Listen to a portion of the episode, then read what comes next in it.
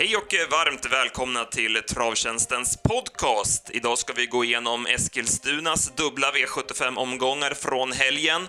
Dessutom blickar vi framåt mot veckans spelomgångar. Vi har ju en spännande jackpot på onsdag samt eh, fin sport på Bjerke lördag.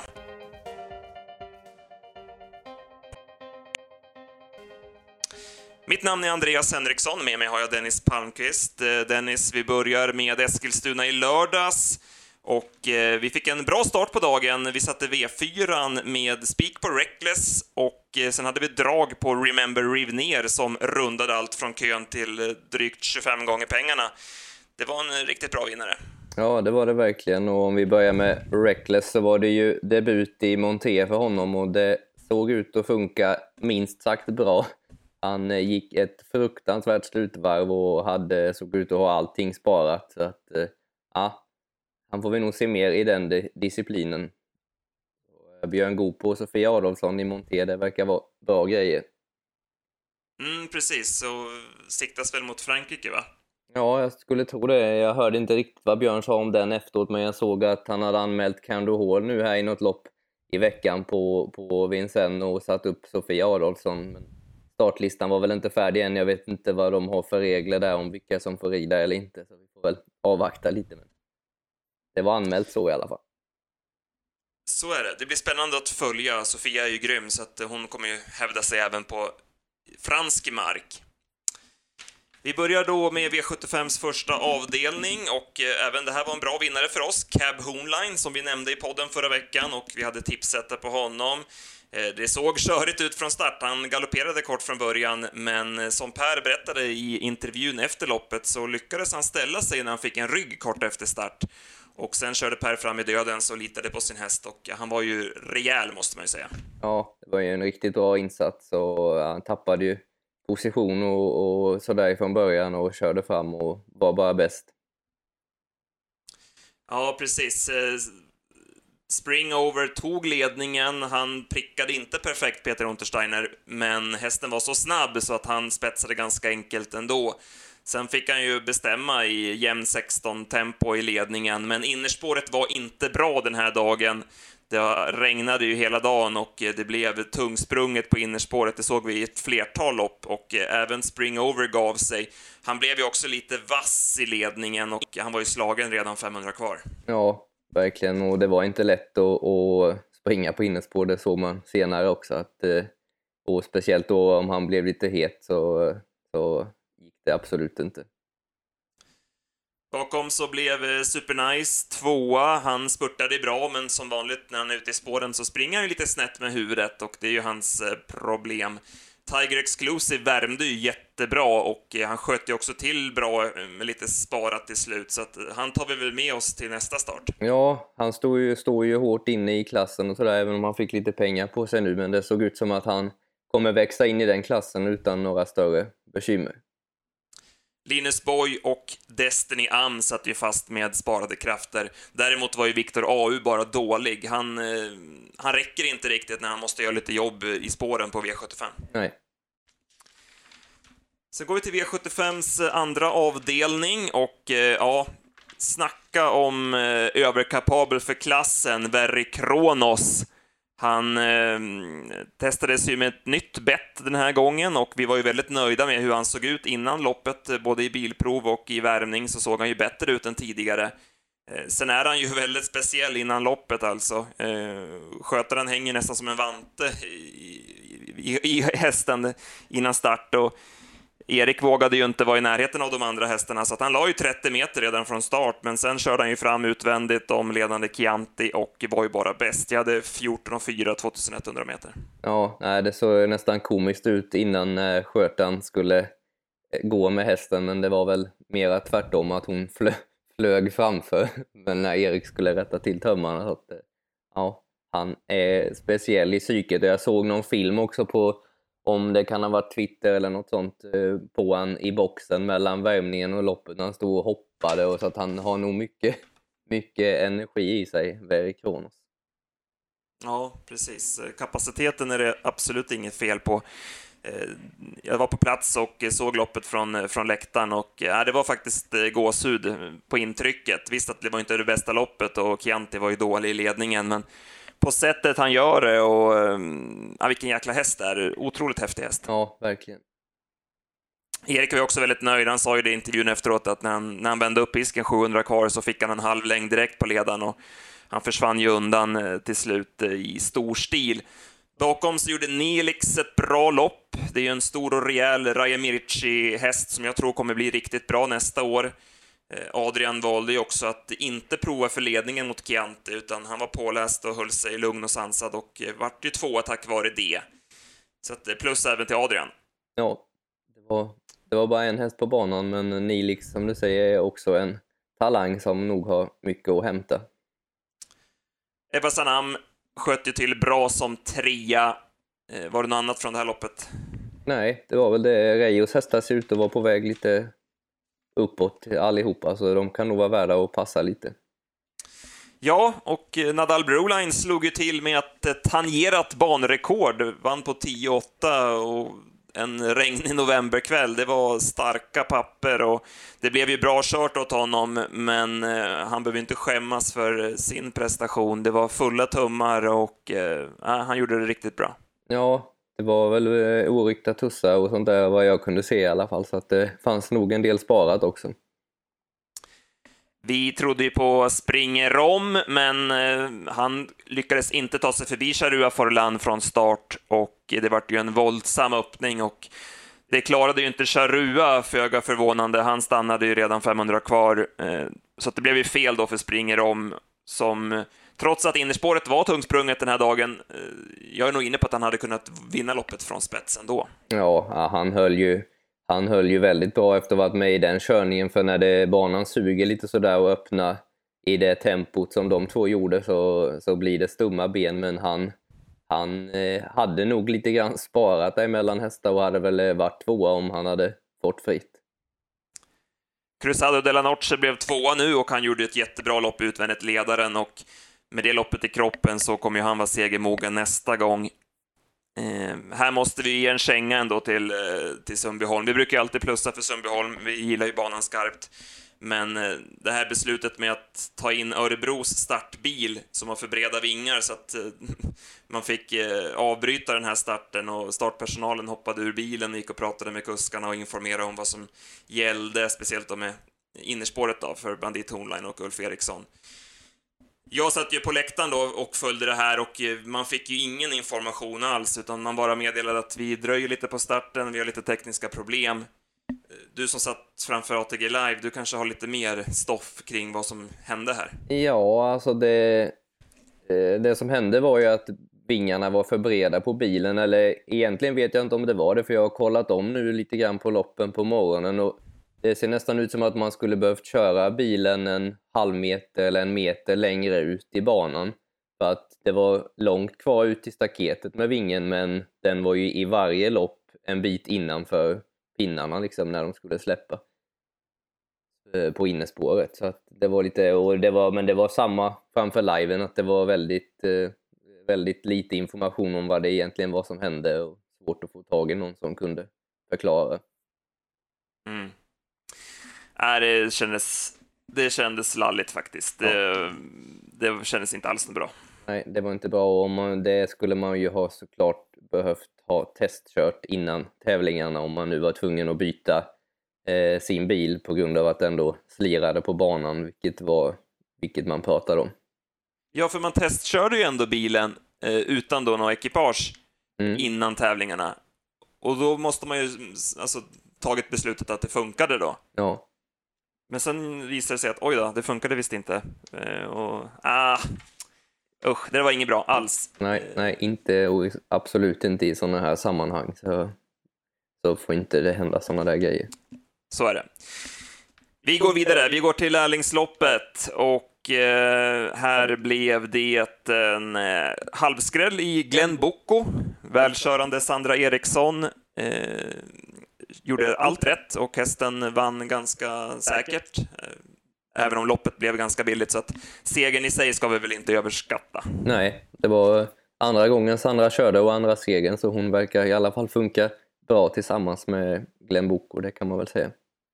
Mm. Och hon och Petter Lundberg har ju, ska ju starta upp en filial här nere eh, i Eskilstuna-trakten också här eh, om ett par veckor, så att hon gjorde ju verkligen bra reklam för sig också. Det vart ju perfekt. Ja, Travolta Treb tog ju ledningen, men han kastade in handduken helt och det såg nästan otäckt ut eh, i sista sväng när han ramlade ner på innerspåret, eller utanför bangränsen. ja och jag hörde någon intervju där med Anders att han ryckte tussarna och då blev det helt stopp istället och det, det var ju lite märkligt för det var ju inte, vad jag förstod det är det ju inte alls första gången han har tussar så att det, var, han ställde sig nästan still där i, i, i sista sväng och Anders kastade ner han på, innanför banan så att säga istället. Och det var, han löste ju det snyggt för de kom ju förbi bakom i alla fall.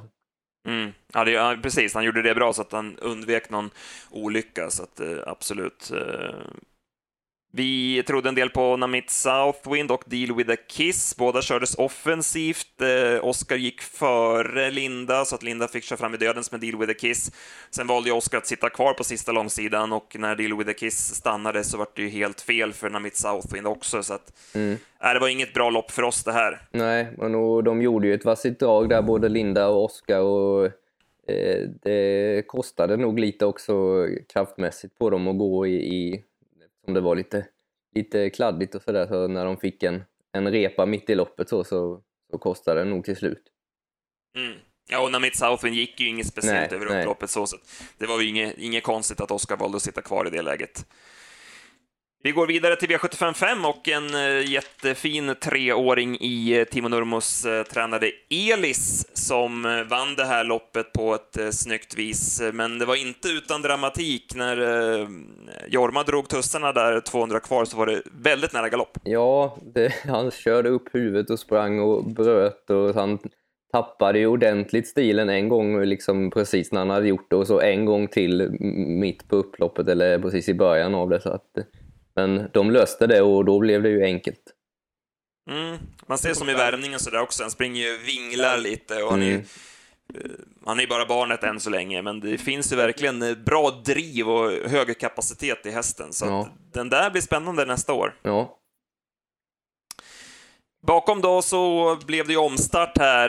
Ready KK Hall galopperade ju bakom bilen och eh, sen så valde man att eh, då ta, kalla till omstart då man tyckte att Ulf Eriksson hade fel spår i starten. Sen eh, gjorde Ready KK Hall samma sak i den giltiga starten. Det var inte nära att han skulle gå iväg felfritt. nej. Och så där har inte han gjort tidigare, så att förmodligen var han väl inte riktigt schysst för dagen. Nej, det brukar ju brukar betyda någonting och just eftersom han hoppade i två stycken också. Så, Mm, exakt.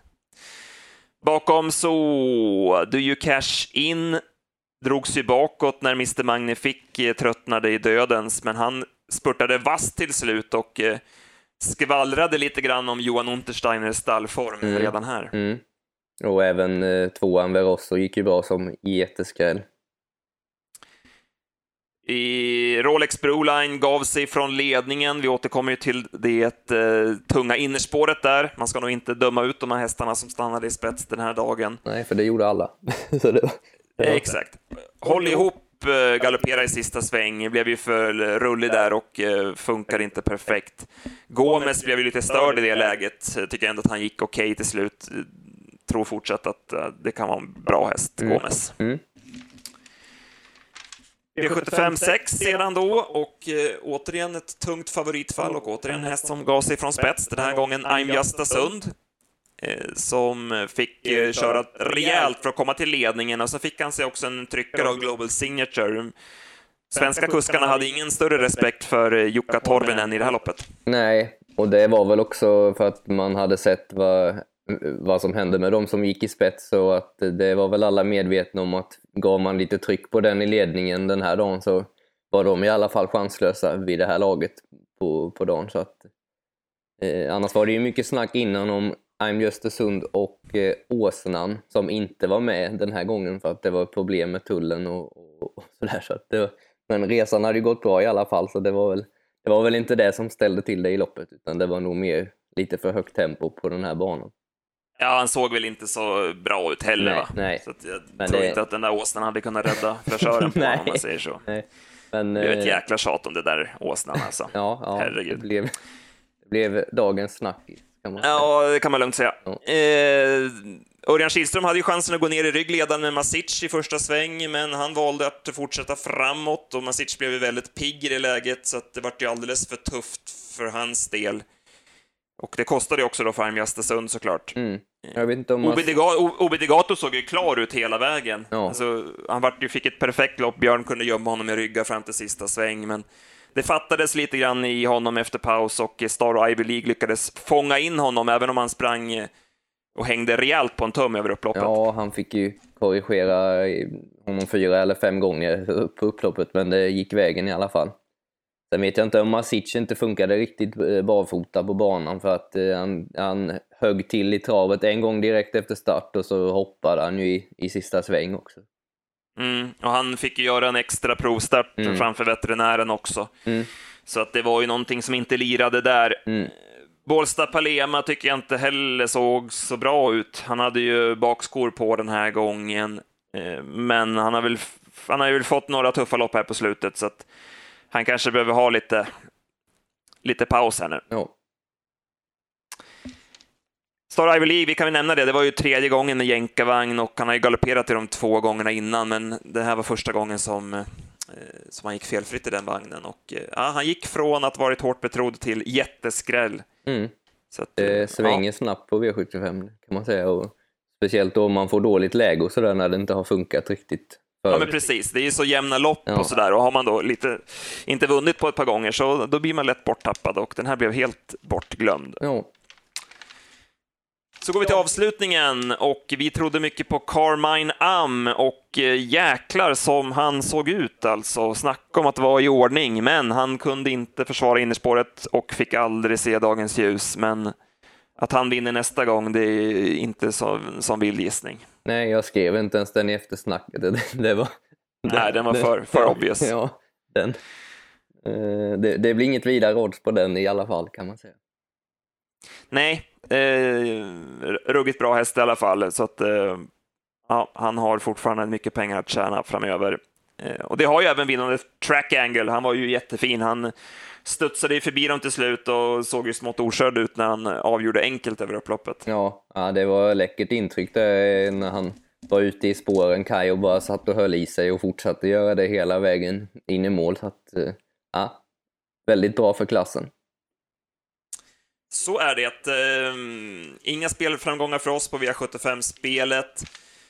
Prestationsmässigt att ta med sig till nästa gång, det var ju lite svårbedömt på den här banan. Mm. Hade du någon sådär som du kände för? Ja, alltså prestationsmässigt så var det ju... Mm. Ja, Track Angle var ju väldigt bra, Elis väldigt bra treåring och så nämnde du ju, du ju Cash In där. Och, ja, jag vet inte vad vi hade för något mer bakom. Hade du Nej, någon precis, Tiger Exclusive väl- kanske? Ja, precis. Och de satte ju fast ett par hästar där Mm. i första också. Mm. Eh, Linus Boy och Destiny Am. Ja. Vi eh, bläddrar till söndagen och eh, här var det Johan Untersteiner show hela dagen kan man säga. Han vann alltså tre av fyra Breeders Crown-finaler och i den fjärde så var han inte ens med, så att den var inte så lätt att vinna. Nej, nej. Och två av de tre med egentränat, så att det är ju bara att lyfta på kepsen för Johan Untersteiner.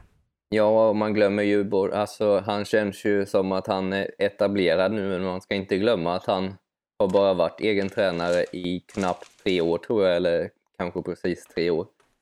Och vinner så här mycket stora lopp redan. Så ja, ruskigt bra.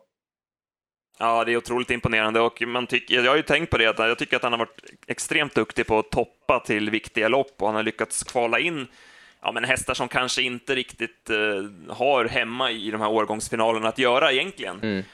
Men han har ändå lyckats kvala in flera sådär och nu fick han ju också verkligen betalt och just den här känslan att veta när man ska toppa inför loppen och även med utrustning, att han liksom kan känna av Ja, och när ska han ha jänkarvagn och när ska han ha skor på? Till, Mm. men som med Cyber Lane, där Ja. han var ju anmäld barfota men ändrades till skor till exempel. Ja, när han är kall med sånt där och, och välja s- ha skorna på i ett sånt här lopp och Cyber Lane går ju dessutom med vanlig vagn hela tiden så, så nej, det är snyggt. Ja, verkligen. Och han har ju också respekt med sig. Han fick ju menar, bestämma tempot i ledningen med samtliga vinnare. Eh, som Björn Goop, han provade i 10 meter med Vamp Kronos. Mm. Och, och märkte direkt att Johan skulle köra eh, sin i spets. Så att, eh, det måste man ju också eh, imponeras av, att han har ju verkligen etablerat sig på alla sätt och vis. Ja. Att, äh, stort grattis från, från oss till Johan Untersteiner och hans team ja, kring hästarna. Verkligen. Ska vi börja med hans Unrestricted? Hon fick ju jag feeling för, när hon, som hon gick i Oaks och kanske framförallt i Breeders Crown-finalen förra året när hon sköt till Sylvast, så tänkte jag att den där blir inte lätt att slå nästa år. Nej. Sen har det ju strulat, hon började ju bra, hon spurtade ju bra i årsdebuten, men sen har det ju strulat en hel del, hon har haft problem med lite hältor och annat och inte kommit igång riktigt. Men mm. sen var det verkligen, kände man i semifinalen att nu är hon på gång. Och nu fick hon eh, betalt också och eh, återigen, Johan Untersteiner kände i provstarten att ah, det kan vara läge att ladda från start för första gången den här gången och det gjorde han och fick spets och eh, sen vann hon enkelt. Så att, ja, det var läckert. Ja, verkligen. Och som du säger, hon har ju hittills i år innan dess bara vunnit ett vanligt lopp, om man nu ska kalla det för det. det men det syntes ju senast att hon var på gång och när de dessutom strulade lite, Fantasy River hoppade och kanske eh, tryckte ner lite på Eva Io så att den hoppar också, då blir det ju ganska... Eh, och lyckades hålla ut Dream Lane, så då, då tyckte han det var givet att köra i ledningen och det visade sig ju vara helt rätt. Mm. Och med Candy Lamarck, eh, man har ju haft svårt att ta till sig henne, eh, måste jag erkänna. Men man har haft fel där. Hon är bättre än hon ser ut. Hon ser ju lite som, nästan som slagen ut i loppet, men på upploppet så vet hon vad hon ska göra och då sticker hon undan till slut. Och Peter Untersteiner som ju fick mycket kritik för att han inte körde till med Run Chica Run i eh, Oaks-finalen då han trodde att eh, Candy Lamarck skulle köras i ledningen eftersom han hade kört hästen i försöket. Ja, men han fick väl ändå lite vatten på sin kvarn här att hon tål att gå i ledningen mot de här hästarna. Mm. Det, eh, att, det gjorde hon och Johan sa ju att han var, kände sig slagen den här gången för att hon kändes inte likadan i spets, sa han, men hon svarade i alla fall hela vägen. Det var bättre tryck i henne bakifrån menade han på att det kändes som att det var liksom bättre drag i henne. Men, men hon svarade mm. i alla fall mot de här bra hästarna hela vägen in. Så det spelade ingen roll, sa han, att hon inte kändes likadan.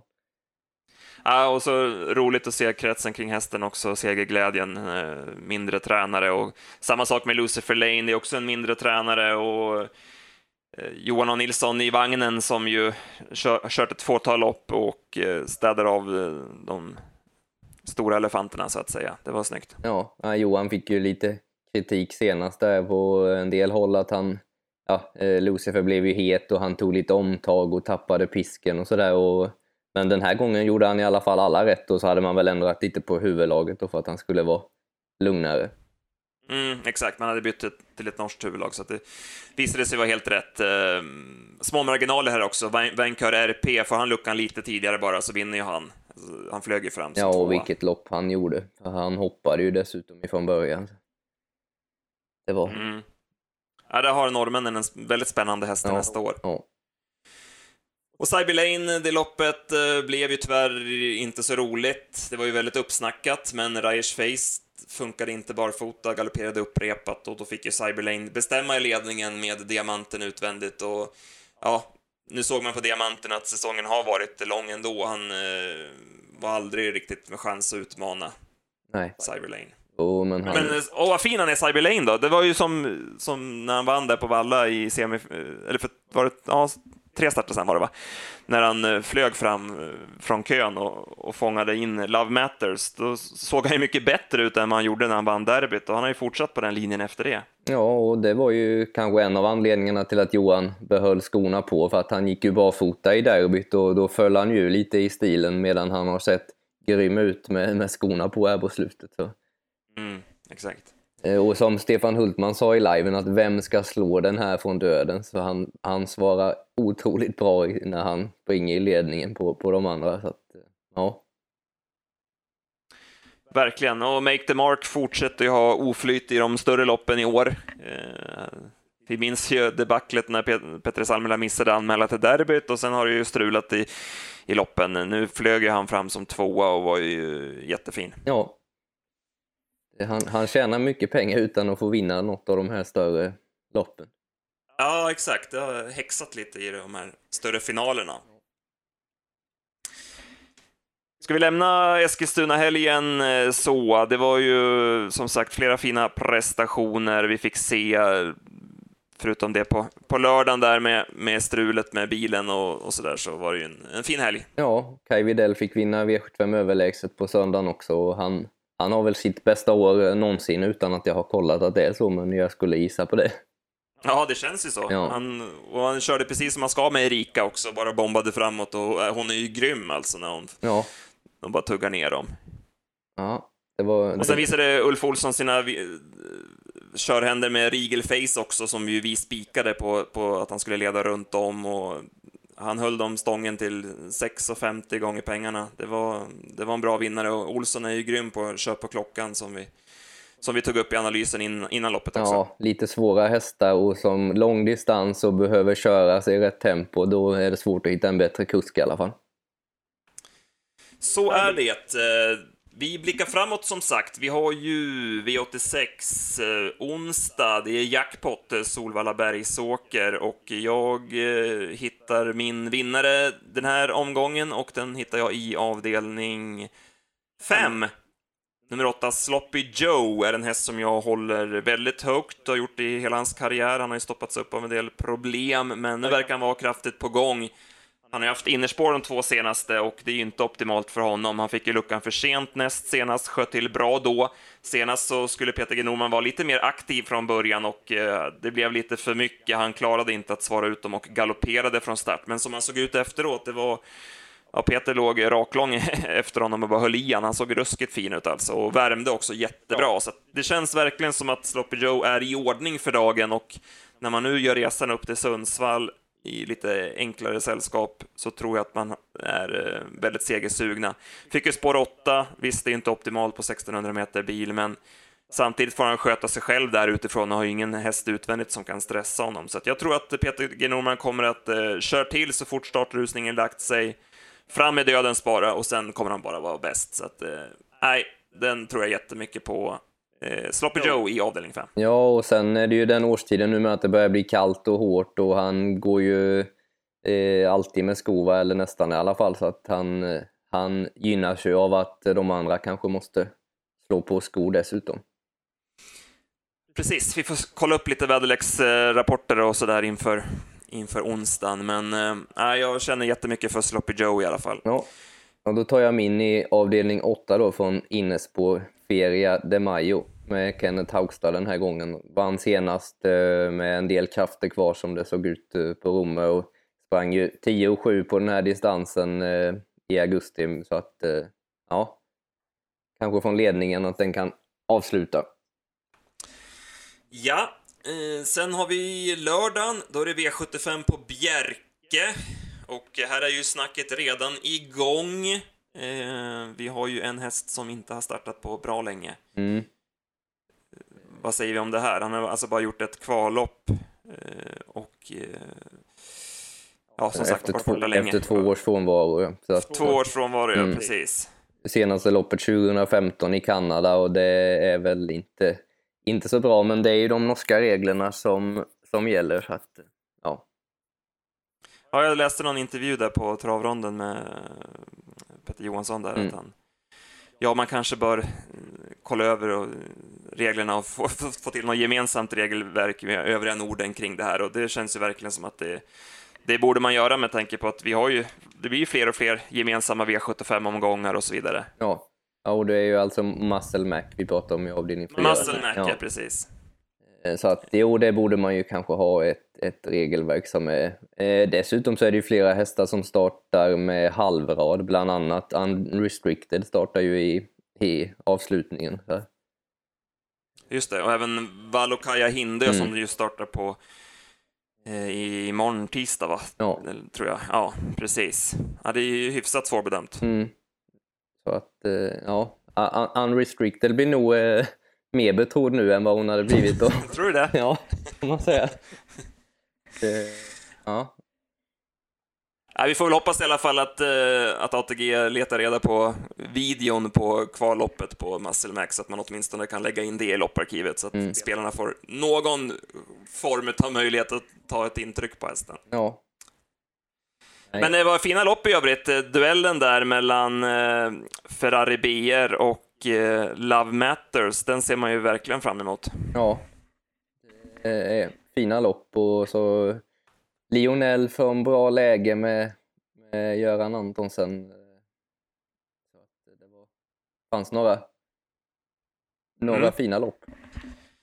Nobel Vi har lite att plugga i Ja. veckan och vi, även, ska vi även ta ett snack med våra norska vänner eh, på Stallskriket Ja. som har full koll på de här hästarna. Så det blir bra. Som vanligt släpper vi de tipsen på fredag klockan 15. V86-tipsen med jackpot kommer på onsdag klockan 15 på travtjänsten.se. Ja, och så är det jackpot ikväll på V64 Mantorp. Så ja. Ja. Har du någon klar? Nej, nej. Jag har jobbat helgen nu så nu, nu är det färdigt med klaringar paus för nu. idag. Ja. Det blir bra. Ja. Nej, men vi, eh, vi har folk som jobbar med den omgången och de tipsen släpper vi ju idag eh, om ett par timmar här, så klockan 14. Yes. Kanon Dennis! Kanon. Tack för att ni har lyssnat allihopa. Vi hörs. Hej. Hej!